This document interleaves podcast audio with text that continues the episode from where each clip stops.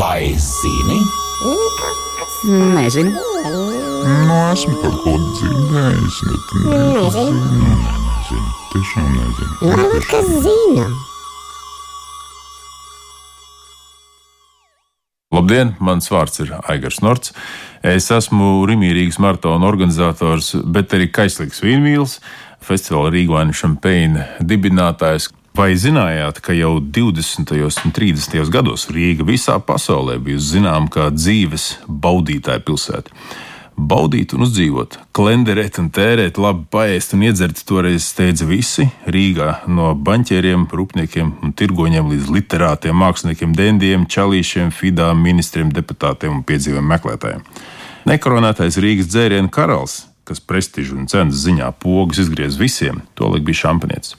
Kā atminis Aleksandrs Bārs savā grāmatā, ja viesībās, kāzās vai jubilejās kāda šampaniešu pudele tikus neizdzerta, to tik un tā ierakstīja rēķinā, bet pudele atstāt viesmīlim. Kad nepieredzējis viesmīlis reiz viesību rīkotājiem jautājas, ko darīt ar neizlietotajiem dzērieniem, tad saņēmis atbildi: dariet ar to, kas jums tīk. Un, ja jums šampanietis negaršo, tad nomazgājiet ar to kājas.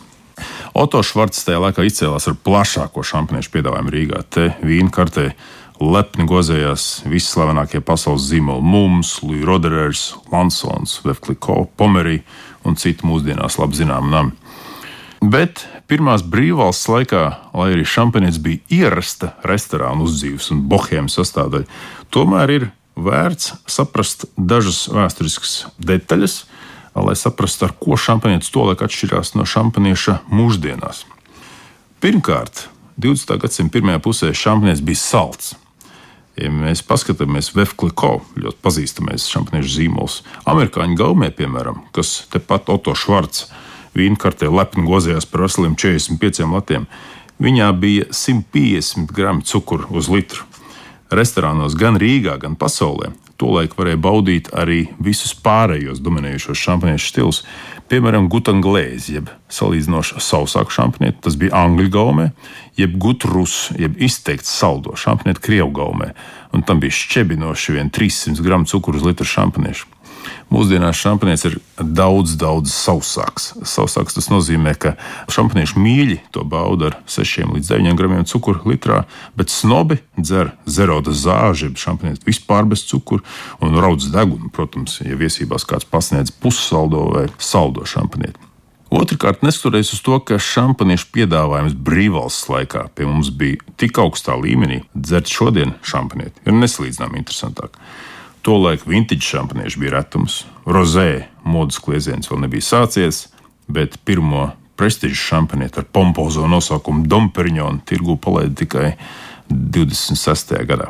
Treškārt, interese par šampanieti mūsdienās no lielajiem šampaņas namiem, kā Moja Chandon, Bevkliko vai Lansons un Pomerī, ir nosvērusies par labu zemniekiem, jeb tiem, kas šampanieti brūvē no savām vīnogām, tām pašām, kuras savulaik zemnieki pārdeva lieliem namiem tirdzniecības apjoma ziņā šampaņā turpinās, protams, dominēt lielie nami.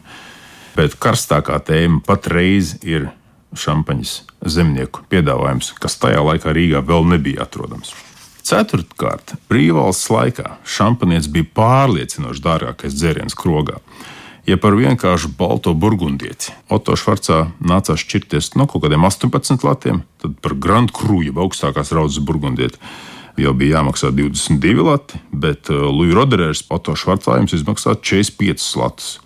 Esplanādē, kas savukārt atradās koka ēkā Elizabetes ielā, tur, kur tagad viesnīca Latvija. Uh, sarkanais Bordeaux Lafitte Rothschild, pieņemsim, bija atrodams par nieku 13 latiem, bet uh, Pomerī, Good American, tad saldējs Pomerī par 40 latiem. Mūsdienu Rīgā dārgākā dzērienu goda šampanietis pilnīgi noteikti aizlienēt Bordeaux un burgundiešiem. Par jau pieminēto Lafitte Rothschild, piemēram, labākajiem ražas gadiem nāktos šķirties no vismaz 1000 eiro, bet to pašu jau pieminēto pomeriju jūs joprojām varētu dabūt par 40 naudām. Visbeidzot, brīvvalsts laikā šampaniešu aicinājums bija glamūrs, iespēja atstāšana, pompoza notrālināšana ballītēs un naktsklubos. Tad mūsdienu pasaulē šampanietim iedalīta ir krietni vien atbildīgāka loma.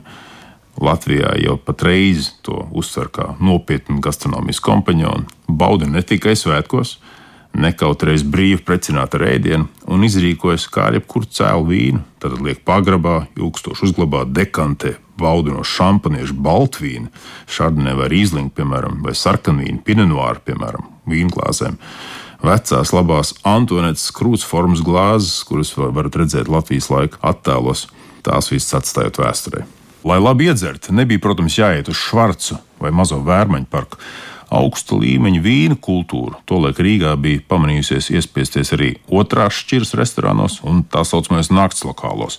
Alhambrā, piemēram, Brīvības ielā, kur tagad Rīgas modes esot bijis Rīgas ienesīgākā uz dzīvesvieta. Tur krāšņāko bārdām sabiedrībā un stroka džēza orķestra ritmos varēja notrolināt kaudzes naudas, baudot visus populārākos šampaniešus Café de Paris, piemēram, bijušajā Nacionālā bibliotēkas sēkā. Mierīgi varēja malkot Chateau Margaux, kas ir patreiz viens no Francijas vēsturiskākajiem un slavenākajiem Bordeaux sarkanvīniem.